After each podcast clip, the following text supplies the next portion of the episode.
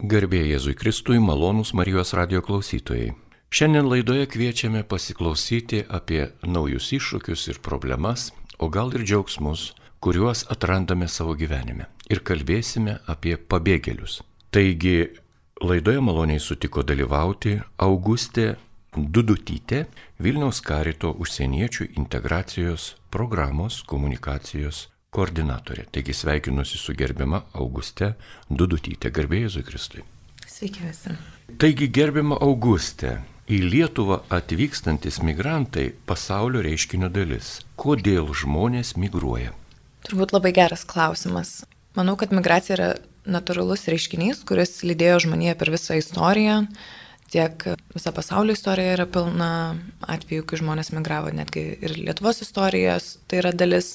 Turbūt žmonės tiesiog naudojasi savo teisę į mobilumą, nepaisant to, kad tai yra žmogaus teisė judėti, taip pat tai yra ir naudinga.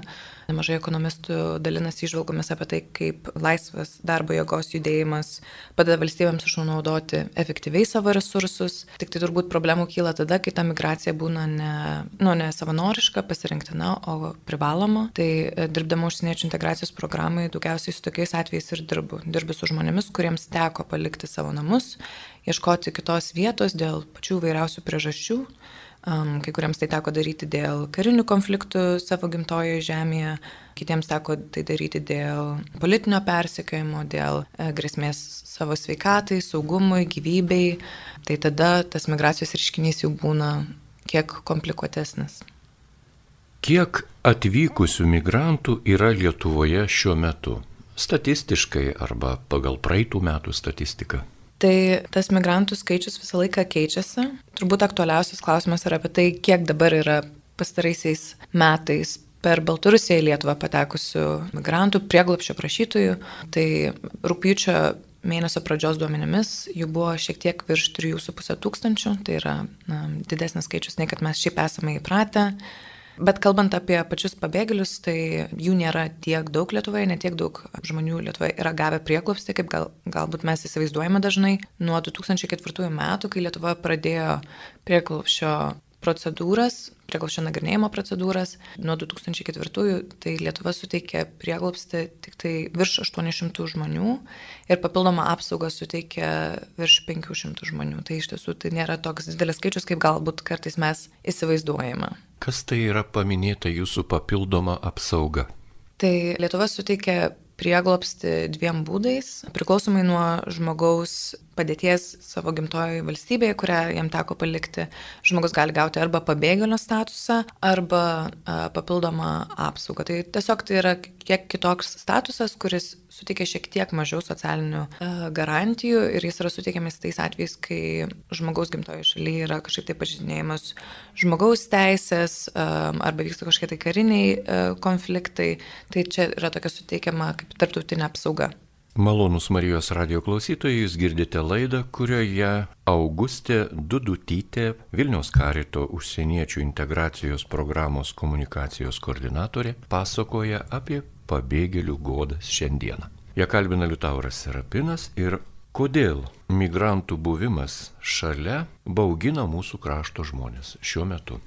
Sunkus klausimas. Bendrai matome, kad dalis Lietuvos visuomenės jaučia socialinį atstumą pabėgėlių atžvilgių, užsieniečių atžvilgių, musulmonų atžvilgių arba tadžiuko atžvilgių, bet šitoms etinėms grupėms jau kurį laiką nu, iš tiesų tas socialinis atstumas e, iškilo 2015 metais, kai vyko irgi ta migracijos krizė. Ir nuo to laiko tas socialinis atstumas Lietuvoje mažėjo. Tai iš pradžių ganėtinai reikšminga dalis Lietuvos visuomenės nelabai norėjo gyventi šalia pabėgėlių, nelabai norėjo su jais dirbti kartu, nenorėjo, kad galbūt jų vaikai eitų kartu į bendrą mokyklą.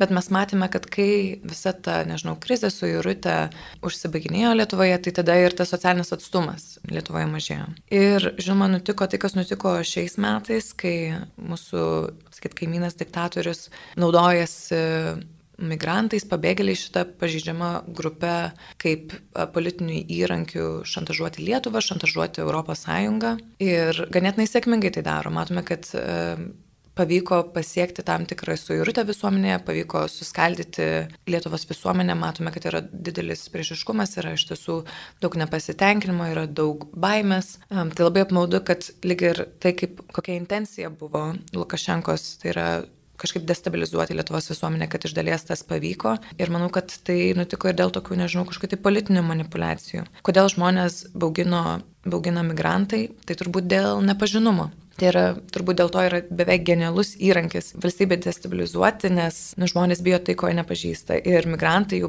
beveik pagal savo apibrėžimą yra kažkas tai, ko tu nepažįsti. Ir kai tu kažko nepažįsti, labai lengva yra patikėti įvairiais išsigalvotais stereotipais, kaž, susikurti kažkas tai baimės, jeigu jos dar yra puoselėmas kažkaip tai žiniasklaidoje arba žmonių, kurie turi tam tikrą autoritetą, tai labai greitai mūsų į fantaziją įsimeta, nežinau, bauginantis vaizdai, kai galvojame apie, apie migrantus. Kodėl dalis visuomenės bijo migrantų, tai turbūt dėl to, kad jų, jų nepažįsta. Taip pat turbūt viešoje erdvėje sklaido ganėtinai nemažai stereotipų apie tai, kokie yra iššūkiai šitiems žmonėms integruotis Lietuvoje, tai labai um, džiaugsiuosi, jeigu galėsime šiandien apie tai pakalbėti ir galėsiu papasakoti, kaip iš tiesų šitie žmonės gyvena Lietuvoje. Um, aš tiesiogiai dirbu su 14 šeimų, tai galiu tikrai pasidalinti apie tai, kaip um, tam tikros baimės yra nepagrystos. Šioje vietoje norėčiau įterpti savo repliką, nežinau ar ją priimsite, bet mhm. manau, kad Marijos radio klausytojas supras kontekstą ir kodėl. Man atrodo, lietuviai žino, kas yra migrantai. Ta žinojimas, būtent ne nežinojimas, o žinojimas juos baugina, nes dalis lietuvių patys buvo migrantai, ekonominiai. Ir tikrai mes kažkaip greit užmiršom, kad gavę nepriklausomybę mūsų tautiečiai atsidūrė Amerikoje, Junktinėse Amerikos valstijose, Anglijoje, Skandinavijos šalyse, suskambėjo ir ne iš gražiosios pusės vogė, plėšikavo, apgaudinėjo, skriaudė savuosius, naudojosi įvairiausiomis technologijomis, kaip iš kito žmogaus, na, kaip sakant, išsunkti paskutinį lašą ir taip toliau ir taip toliau. Ir tam tikra patirtis matyt, šiuo metu rezonuoja, grįžta atgal kitokiu būdu. Mes bijome patys savęs, nes save labai gerai pažįstame. Gal, na, jūs nevogėt, nemigravot tuo metu, gal aš irgi nebuvau, bet mūsų giminiai tokie buvo žmonės. Mm. Ir mes žinome, kad tai buvo ir gėda, ir sarmata, ir taip toliau. Atleiskit už šią repliką. Bet tada tęsiant laidą, norisi dar papildymo į tą klausimą. Tai paminėjote 2015 metus ir kad tuo metu buvo krizė. Taip, prieš -hmm. šešis metus.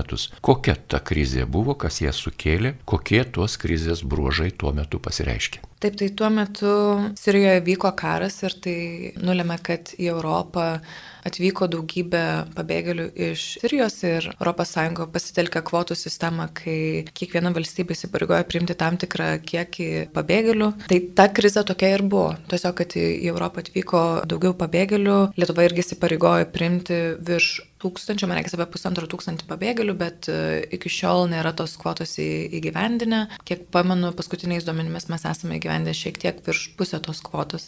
Tai irgi įdomu, nes buvo tokia lyg ir didelė baime, kad čia atvyks banga, netgi tai vad nužmoginančiai dažnai buvo kalbama apie pabėgėlius, kaip apie kažkokį tai bangą, kaip apie kažkokį tai reiškinio, ne kaip apie, apie žmonės. Ir nu, įdomu, kad tos baimės buvo didelės, kad tai kažkokį tai kels grėsmę lietuviškumui arba mūsų kultūrai arba vakarų kultūrai ir iš tiesų mes kaip gyvename, taip ir gyvename. Jau netgi ties tam tikrą prasme pamiršome apie tai, kad turėjome tokias baimės tada. Tai žinoma, dabar tos baimės kyla vėl iš naujo dėl, dėl to, koks yra tas viešasis diskursas iš dabartinės tos situacijos. Krikščioniška pareiga pagal išgalės reikalauja mūsų padėti keliaujantiems žmonėms, tačiau reikia išsaugoti ir savo tapatumą. Kaip tai suderinti? Nu, aš manau, kad krikščioniška pareiga bendrai yra padėti tiems, kam reikia pagalbos. Ir tai yra pačios įvairiausios grupės. Pavyzdžiui, aš esu iš Vilnius arkiviskupijos karito, tai mes dirbame su daugybė skirtingų pažeidžiamų grupių, kuriams reikia pagalbos. Mes bendrai savo esame įsivardyję taip, kad dirbame su žmonėmis, kurie bendrai yra visuomenės pakraščiuose. Tai yra ir vienišos motinos, tai yra ir priklausomybių turintis asmenys, buvę nusikalteliai, benamiai, gatvės jaunimas, bendrai bendrai vaikai. Na ir ta grupė, su kuria aš tiesiogiai dirbu, yra pabėgėliai. Ir pastebiu, kad yra toks kažkoks tai supratimas, kad jie kelia grėsmę mūsų tapatumui. Ir aš kažkaip tai man sunku tapatintis su šitą baimę ir tapatintis su, su šitu klausimu, tiesą sakant, nes jau dirbu du metus kartę su, su, su pabėgėliais, su prieglopščio gavėjais. Ir matau, kad tas įsivaizdavimas apie tai, kiek kultūriškai skirtingi yra šitie žmonės, jis yra iškreiptas. Tai visų pirma, noriu atkreipti dėmesį, kad pabėgėliai nėra tik tai iš kažkokios tai vienos šalies, pabėgėliai yra iš viso pasaulio. Turime daugybę žmonių, kurie yra iš Tadžikistano, taip, yra iš Sirijos, taip, yra iš Afganistano, bet taip pat daugybė pabėgėlių yra iš Baltarusijos, Rusijos, iš Ukrainos, netgi iš Venezuelos, iš Šiaurės Afrikos. Turime taip pat žmonių, su kuriais dirbame iš Šrilankos. Tai yra, na, tokia didelė įvairovė, kuri sakyti, į Lietuvą atvyksta ne kaip viena kultūra, o kaip iš tiesų tokia kornukopija patirčių ir skirtingų religijų, ir skirtingų kultūrų.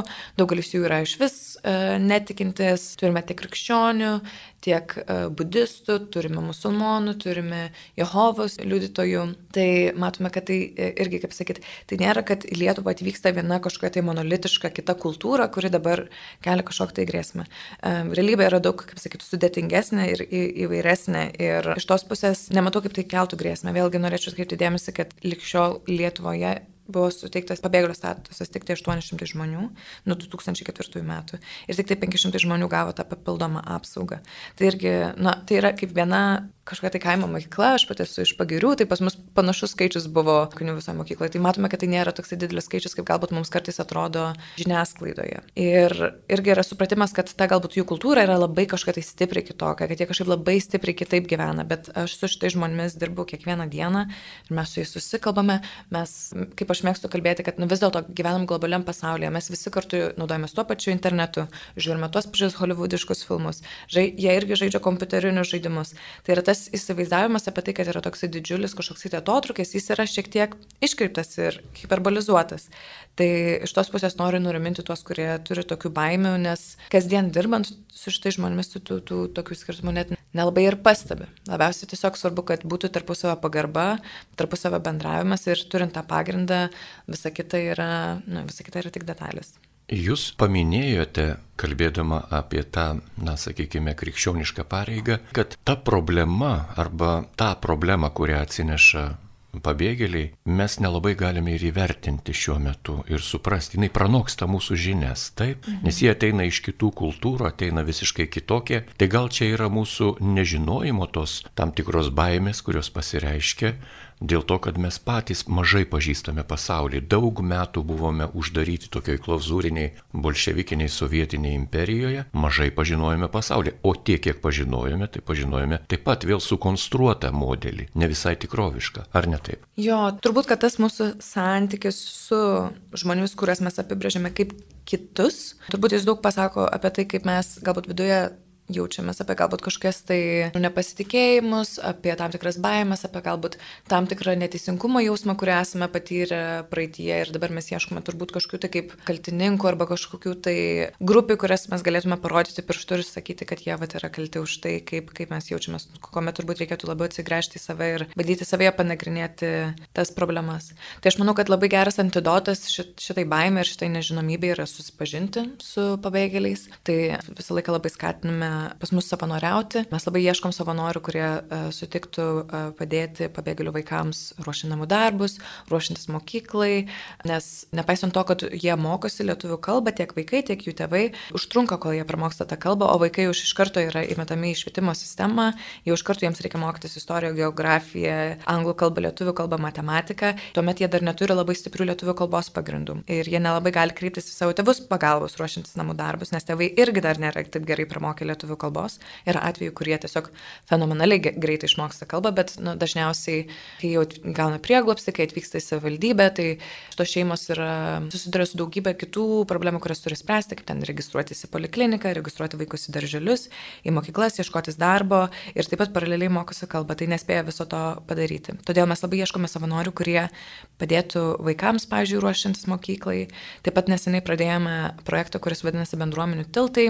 Šiuo projektu mes ieškome lietuvių šeimų, kurios sutiktų draugauti su pabėgėlių šeimomis. Ir taip mėgstų draugystę, nes mes matome, kad ta integracija svarbi ne tik tai sprendžiant kažkokius tai būtinius ar biurokratinius klausimus, kaip ten, nežinau, padedant užregistruoti žmogų pas gydytoją ar tarpininkaujant su mokyklos administracija, bet kad iš tiesų nemažai tų pabėgėlių, jie jaučiasi šiek tiek vieniši ir jie jaučia, kad jiems trūksta tos tokios bendruomeninės integracijos ir jie nori susidraugauti, susibendrauti su vietiniais lietuviais. Tai taip pat labai kviečiame visas lietuvių šeimas, kad kreiptumėtės į mus, jeigu jums būtų įdomu susipažinti su šitomis šeimomis ir jeigu jūs norėtumėte įstraukti šitą projektą, bendrauti kartu, galbūt kartu eiti į kiną, kartu išeiti į kavinę, pabendrauti, vykti į trakus, valgyti kibinų ir taip toliau. Nes tai yra tik pats stipriausias antidotas - pažinimas, žmogaus pamatymas. Bet mes irgi labai ką kviečiame daryti, tai yra pamatyti, kad pabėgėlis visų pirma yra žmogus. Ir kai tu pamatai, tada iš tiesų daugybė tų baimių pradingsta, tu pamatai, kaip kai kurie iš jų yra charizmatiški, kai kurie iš jų e, turi puikų humoro jausmą, kai kurie iš jų jų kartais nusišneka ir um, kai pamatai tą žmogiškumą, tai supranti, kad tos baimės, nu, kad jos yra tam tikrą prasme sukonstruotos. Taigi tęsime laidą. Šioje laidoje dalyvauja Augustė Dudutytė, ją kalbina Liutauras Sarapinas ir kalbame apie pabėgėlių godas. Popiežius Pranciškus sakė, jog pabėgėlius svarbu yra priimti, saugoti, padėti, integruoti. Pirmuosius tris uždavinius mes suprantame, o ką reiškia integruoti? Taip, tai aš dirbu užsieniečių integracijos programai. Tai mūsų kaip ir tikslas yra integruoti. Mes uh, patys su kolegomis uh, daug galvojame apie šitą žodį, ką reiškia integruoti. Taip, aš jį matau taip dvipusiškai. Yra iš vienos pusės kietoji integracijos pusė, tai yra tokios priemonės kaip socialinės konsultacijos, teisininko konsultacijos, užimtumo konsultacijos, psichologo konsultacijos. Tai yra tokie lietuvių kalbos pamokos ir kitos paslaugos, kurios padeda žmogui įsitvirtinti, vad pabėgėlių jau atvykus į savivaldybę, gavus leidimą gyventi Lietuvoje. Tai yra tokios paslaugos, paslaugų paketas, kuris padeda va čia jau įsikurti, įsišaknyti, išspręsti kažkokius tai kasdienius klausimus, nes pačioje pradžioje, kai tik tai yra atvykstama į savivaldybę, tai šitiems žmonėms sunku dėl kalbos barjero, dėl nepažinumo sistemos tiesiog susigaudyti kaip registruotis pas gydytoją, kaip užpildyti gyvenamosios vietos deklaraciją, kur ieškotis darbo, kaip tartis su būto savininku ir taip toliau, taip toliau. Tai mes, pats socialiniai konsultantai, aš irgi turiu 14 šeimų, 14 atvejų, kuriems padedu, tai padedame va, šitas va, kliūtis pašalinti iš jų kelio. Tai čia yra viena ta integracijos pusė, kaip pagalba naviguoti kasdienybėje. Bet yra kita integracijos pusė, kur yra tokia labiau gal sociali, labiau tokia minkšta, galbūt kartais atrodo netokia svarbi, bet kaip tik mes manome, kad jinai yra kartais kaip nepakankamai svarbi. Tai yra stengiamės organizuoti bendruomeninius renginius, kažkas tai bendras šventes, per savanorystės programas kažkaip tai statyti tą tiltą tarp tos dalies Lietuvos visuomenės, kuri galbūt laiko tą tokį socialinį atstumą nuo pabėgėlių ir tarp pačių pabėgėlių.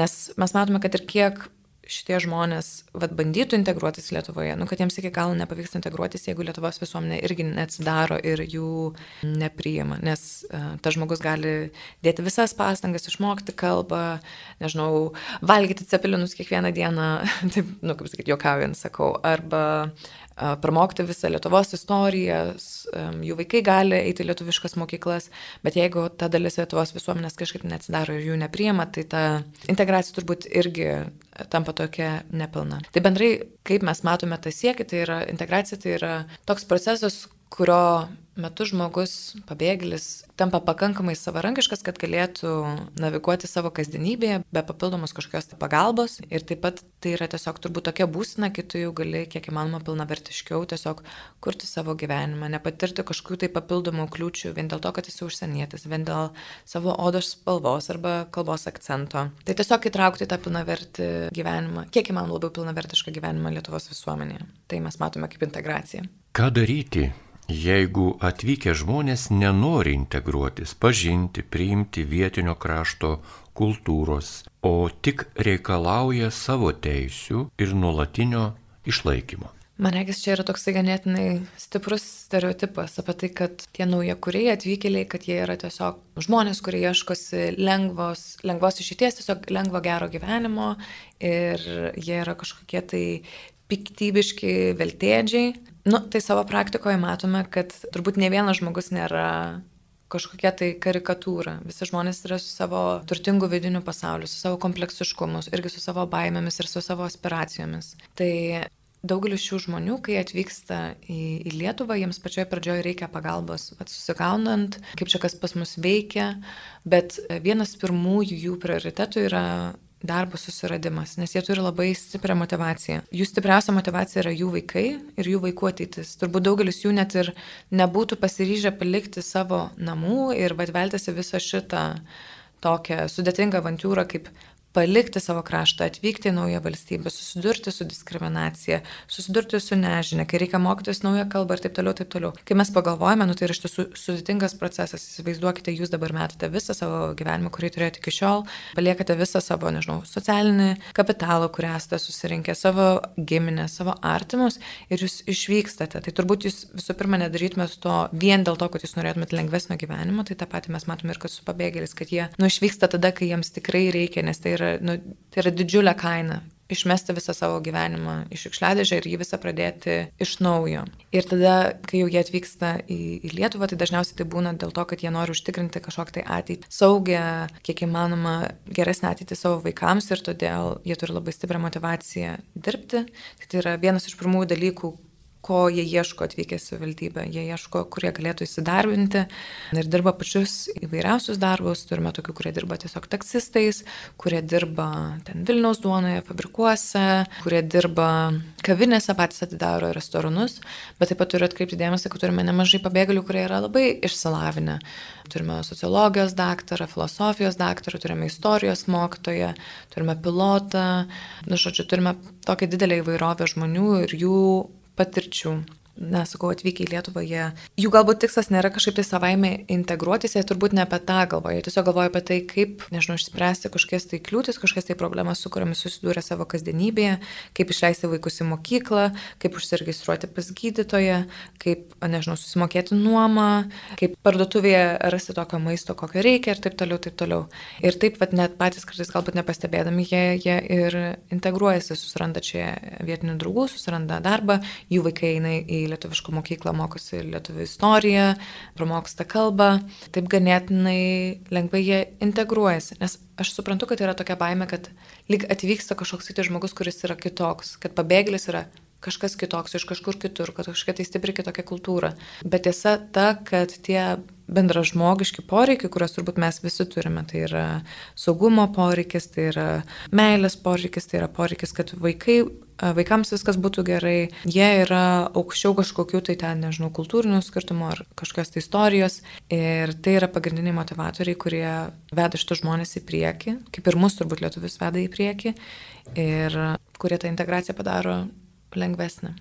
Paminėjote išsilavinimą arba išsimokslinimą. Gal galėtumėte pateikti apytikslę statistiką, kiek procentų sudaro tų pabėgėlių, kurie yra baigę tik pradinį, pagrindinį išsilavinimą, kurie baigę yra specialų, sakykime, profesinį ir aukštai. Žinokite, tokios statistikos neturiu, bet mes matome, kad yra iš tiesų įvairių atvejų. Būna tokių, kurie atvyksta tik tai su viduriniuoju išsilavinimu, arba būna tokių, kurie, tarkime, turi aukštą išsilavinimą, bet pavyzdžiui, nu, dažnas atvejis, kai iš Sirijos bėgo žmonės, tai jie neturėjo laiko persižiūrėti visų dokumentų, susirinkti ten mokyklos atestatų ir taip toliau. Ir daugelis jų atvyksta į Lietuvą be savo diplomų, tai yra tada iššūkis pripažinti jų tą išsilavinimą ir daugelis jų taip ir pasilieka, kaip sakyti, jų išsilavinimą taip ir nepripažinus.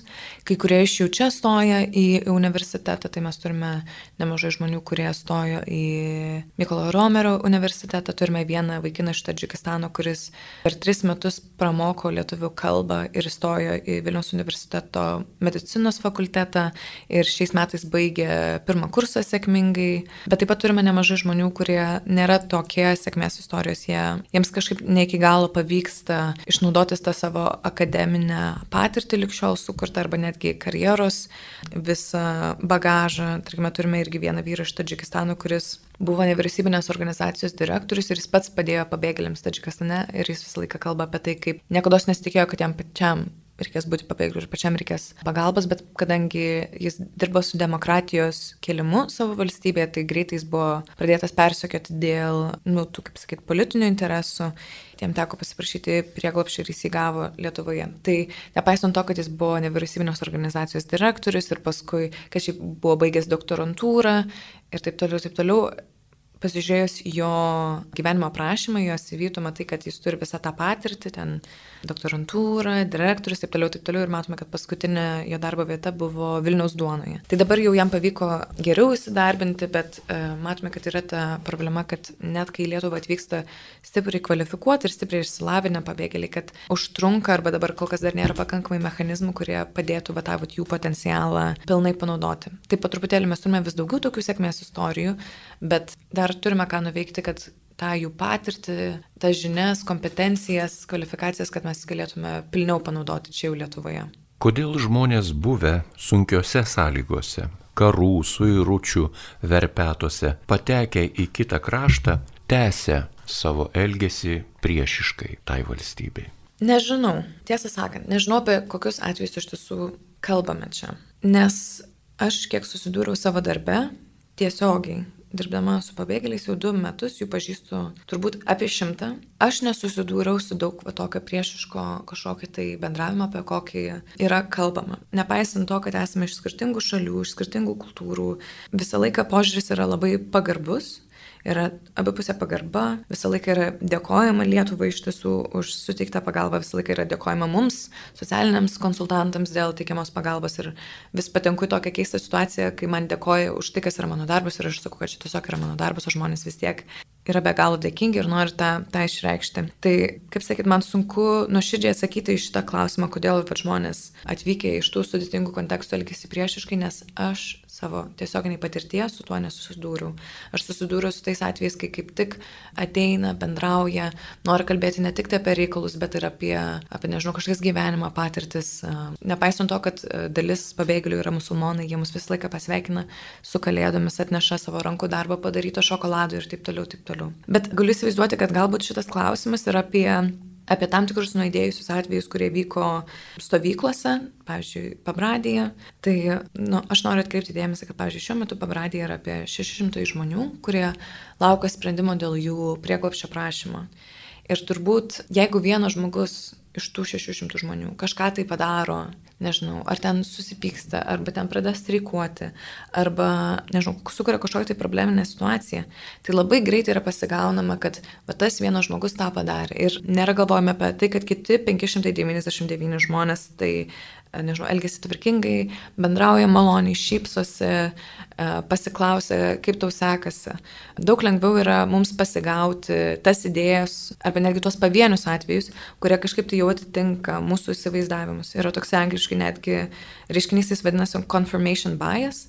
Tai yra kaip, kaip čia geriau išvertus, šališkumo patvirtinimas. Confirmation. Confirmation bias yra šališkumo patvirtinimas, kai mes daug labiau atkreipiame dėmesį į tuos atvejus, kurie jau patvirtina mūsų įsivaizdavimus, nei kad kitus. Tai turbūt vat, tas klausimas iš to ir kilo, iš tos kelių kažkokių tai anegdotų ar patirčių, kurios, nuvyko, kurios nutiko stovyklose ir um, tai yra matoma kaip kažkoks tai visą grupę apibrėžintis reiškinys. Tai nežinau, norėčiau atkreipti dėmesį, kad turbūt kažkokių tai neigiamų, neigiamų elgesio pavyzdžių pasitaiko visur ir visada, tik tai turbūt jeigu, nežinau, jeigu lietuvis, sakykime, pavogia kažką tai iš parduotuvės, mes negalvojame, kad va, lietuviai tai Vat čia jis tai padarė, nes jis yra lietuvis, nes lietuviai vagia. Dažniausiai mes galvom, kad turbūt tas žmogus tiesiog pavagė.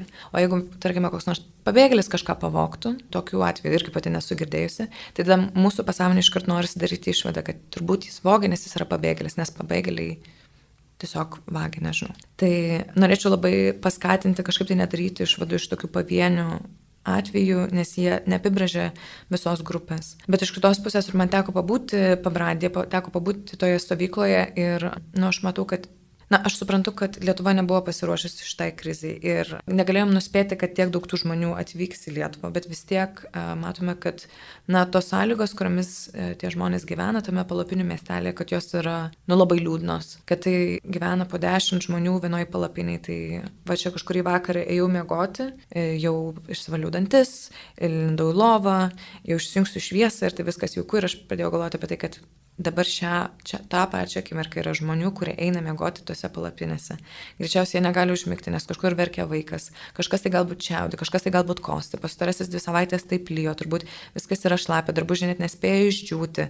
Tai tokiose sąlygose, dar kai tu esi už tvaros, visų pirma, turbūt visiems atrodys kaip grėsmė. Jeigu kažkas mane nešvarė su tais pačiais rūbais uždarytų už tvaros, turbūt aš irgi atrodyčiau kaip grėsmė, bet taip turbūt aš ir ilgainiui pradėčiau pykti, jeigu aš būčiau, jeigu man nebūtų suteikiama informacija apie tai, kiek laiko aš čia sėdėsiu, jeigu jau praėjo mėnesis, o mano situacija yra visiškai nepasikeitusi, jeigu man nepavyko sukontaktuoti su savo artimaisiais, jeigu aš jau kilintą dieną negaunu galimybės turėti sausų rūbų, tai turbūt ilgainiui aš pyksiu. Tai um, aš iš tiesų nenustepčiau net jeigu vat, ir, nežinau, mane su mano draugais uždarytų kažkoje tai stovykloje, tai turbūt aš irgi greitai pradėčiau pykti ir man irgi greitai būtų sunku. Kai kas sako, kad visai nereikėtų svetimų žmonių priimti, nes nepakankamai yra pasirūpinama ir savaisiais. Kaip tai pakomentuotumėte? Manegas čia irgi yra tam tikra politinė manipulacija, taip pasakysiu. Nes manau, kad yra supriešinami du dalykai, kurie nebūtinai vienas kitam prieštarauja. Nu, tai pavyzdžiui, dažnas supriešinimas yra tai, kad Lietuvoje ir taip yra badaujančių, tai kodėl mes padedam pabėgėliams, arba Lietuvoje ir taip yra senukų, kuriems reikia pagalbos, tai kodėl mes padedam čia migrantams ir kad mes švaistome ant jų pinigus. Tai aš manau, kad e, yra tokia skambi metafora, kad vien dėl to, kad yra kažkur tai vėžys, vėžio lyga ar ne, tai nereiškia, kad nereikia gydyti plaučių uždegimo. Manau, kad mes galime spręsti abi dvi šitas problemas, nepatrūdant viena kitai. Man reikia, yra netgi tam tikra politinė manipulacija, siekiant taip nukreipti dėmesį nuo vienos problemos prie kitos ir iš tiesų nevedant prie kažkokio tai konstruktyvaus sprendimo arba konstruktyvaus dialogo. Galbūt pasakysiu taip netgi kažkokį tai, nežinau, netikėtą nuomonę. Aš manau, kad netgi jie, mūsų pagalba ir prieimimas pabėgėlių arba imigrantų, tiesą sakant, padeda mums padėti kitoms Lietuvoje pažeidžiamoms socialinėms grupėms. Kodėl? Nes mes matome, kad Lietuvoje, Lietuva patiria tam tikrą demografinę krizę, kad Lietuvoje mažėja darbo jėgos, jaunos darbo jėgos, kuri iš tiesų uždirbtų, kur keltų ekonomiką, uždirbtų pinigus ir išlaikytų pensininkus, kuri išlaikytų asmenys turintys negalę arba kitus e, socialinę atskirtį patirinčius asmenys. Tai, tai yra viena didžiausių rizikų Lietuvai, kad ilgainiui toliau mažės jaunos darbo jėgos ir mes neturėsime tiesiog išteklių išlaikyti vyresnę kartą. Tai jeigu mes jau taip žiūrime ne, ne iš kažkokių tai moralinių paskatų ar žmogiškų paskatų, kad reikia bendrai suteikti saugumą tiems žmonėms, kurie bėga nuo karo ar bėga nuo politinio persikėjimo, tai galime tiesiog labai praktiškai pasiskaičiuoti, kad Lietuvai šiuo metu, Lietuva turi daugiau laisvų darbo vietų nei kad bedarbių, e, Lietuvai trūksta darbo jėgos ir iš tos pusės Lietuva tik tai laimėtų, jeigu priimtų daugiau pabėgėlių arba migrantų, kurie kurių interesas yra įsidarbinti ir kurie paskui ilgainiui keltų tą ekonomikos lygmenį Lietuvoje. Kokią pagalbą krikščioniškos organizacijos dabar Lietuvoje teikia atvykusiems migrantams? Tai aš dirbu Vilnius arkiviskupijos karite, užsieniečių integracijos programoje. Tai mes turime du bendruomenės centrus, vieną turime Pabradėje ir vieną Vilniuje. Pabradėje vadinamės kultūrų įkalnė. Ten e, teikiame irgi socialinės konsultacijas, rūpinamės užimtumu žmonių, kurie tuo metu laukia prieglopščio prašymo sprendimo arba kurie jau yra gavę prieglopstį, bet dar nėra išvykę gyventi į kitas savivaldybės ten gyventi. Tai uh, jie turi prieglopščio prašytojai arba jau asmenys, kurie gavo prieglopstį, turi galimybę mokytis lietuvių kalbą, gauti konsultacijas dėl užimtumo, sudalyvauti paskaitose apie, apie Lietuvą, apie skirtingus Lietuvos miestus, yra organizuojamas veiklos vaikams, tai rūpėmės tokiu užimtumu ir socialinė integracija. O Vilniuje mes turime kitą bendruomenės centrą, kuris rūpinasi jau pabėgėlių ir bendrai užsieniečių, užsieniečių studentų, ne ES e, valstybių piliečių integracija Lietuvoje. Tai mes irgi teikime visą tokią, nežinau, skėtinę pagalbą, kai pas mus atvykstantys žmonės gali konsultuotis teisiniais klausimais, užimtumo klausimais, taip pat teikiame psichologo konsultacijas, nes nemaža dalis pabėgėlių iš tiesų yra praėję traumuojančias patirtis ir e, turi nemažai iš tiesų baimių, turi daug, nežinau, susikaupusios nevilties arba nusivylimų, tai tada tos psichologinės konsultacijos padeda kažkaip tai išjausti tai, kas yra viduje, galbūt kas kartais yra netgi um, nustumiama arba paslepiama. Tai tai yra labai svarbi mūsų, mūsų darbo dalis. Taip pat, kaip minėjau, padedame vaikams su savanorių pagalba ruoštis mokykloms, organizuojame vaikams vasaros stovyklas, tiesiog stengiamės jiems juos, kaip sakyti, pripildyti tų gerų patirčių, gerų emocijų ir tiesiog padėti turėti tokią pilnavertiškesnę vaikystę. Na ir žinoma, Kiekvienas e, asmo, kuris nusprendžia dalyvauti integracijos programoje, gauna savo socialinį koordinatorių, kuris dirba su ta šeima, palaiko ryšį, už, užmesga ryšį, e, susipažina su tos šeimos situacija ir tada taip ilguoju laikotarpiu padeda jiems uh, spręsti jų klausimus, apmokyti juos, kaip pavyzdžiui, nežinau, susimokėti mokesčius, kaip užsiregistruoti pas gydytoją, kaip vykti į kažkokias į savivaldybės institucijas ir, ir, ir taip toliau. Tai iš vienos pusės bandome tiesiog pašalinti tas kliūtis, kurios iškyla kasdienybėje, tiesiog bandant naviguoti savo gyvenime, bet iš kitos pusės tengiamės kurti bendruomenę, šilumą, tarpusavą paramą, kurti socialinį ratą, kur žmonės galėtų vieni kitiems padėti. Mm, dažnu atveju patys pabėgėliai pradeda savanoriauti, padeda padėti. Tarkime, šiuo metu mes renkame mm, labdarą drabužius būtent tiems migrantams, kurie yra stovyklose. Šiuo metu renkame stovyklai pabradėje. Labai džiaugiamės tuo, kad nemažai lietuvių atneša drabužių, ypač ieškome šiltų vyriškų drabužių, nes matome, kad orai yra ganėtinai prasti rasti. Ir ten palapinėse gyvenantiems žmonėms iš tiesų jau darosi vis sunkiau. Bet džiaugiamės, kad matom, kad nemažai ir pačių pabėgėlių, kurie jau integruojasi Lietuvoje, kurie jau čia gyvena jau 3, 4, 5, 6 metus, kad jie irgi ateina, jie irgi padeda atneša drabužių. Vienas iš jų turi restoraną Antakalnyje, tai pasisiūlė iškepti nemokamai e, šimtą porcijų pitos duonos ir irgi nuvežti pabėgėliams, nes pats neseniai, pačiam teko neseniai būti ten ir žino, koks tai yra jausmas. Tai mums labai svarbu yra iš vienos pusės padėti veikti problemas ir atsakyti klausimus tiem žmonėms, kurie yra tik tai integracijos pradžioj čia Vilniuje, bet iš kitos pusės mums labai svarbu yra kurti tą bendruomenę, kurti ryšius, socialinį ratą. Tai ties šitais dalykais labiausiai ir koncentruojamės. Ir paskutinis klausimas. Didelis iššūkis yra skirtingų kultūrų, net religijų susitikimas. Kokios nuostatos išmintingiausia laikytis jūsų nuomonė? Manau, kad galima šitą klausimą atsakyti turbūt keliais pjūviais. Tai visų pirma, pamatyti, kad uh, tie skirtumai nėra tokie dideli, kaip mes įsivaizduojame. Turbūt didžioji dalis Lietuvos gyventojų turi nuomonę apie pabėgėlius, nors turbūt tik tai labai maža dalis Lietuvos gyventojų iš tiesų pažįsta bent vieną pabėgėlį. Ir mes matome, kad tie žmonės, kurie su jais dirba, kurie su jais, nežinau, susidūrė kasdienybėje, kurių vaikai galbūt eina į tą pačią mokyklą kaip ir pabėgėlių vaikai, kad jie turi daug teigiamesnį požiūrį į pabėgėlius, ne kad tie žmonės, kurie jų nepažįsta.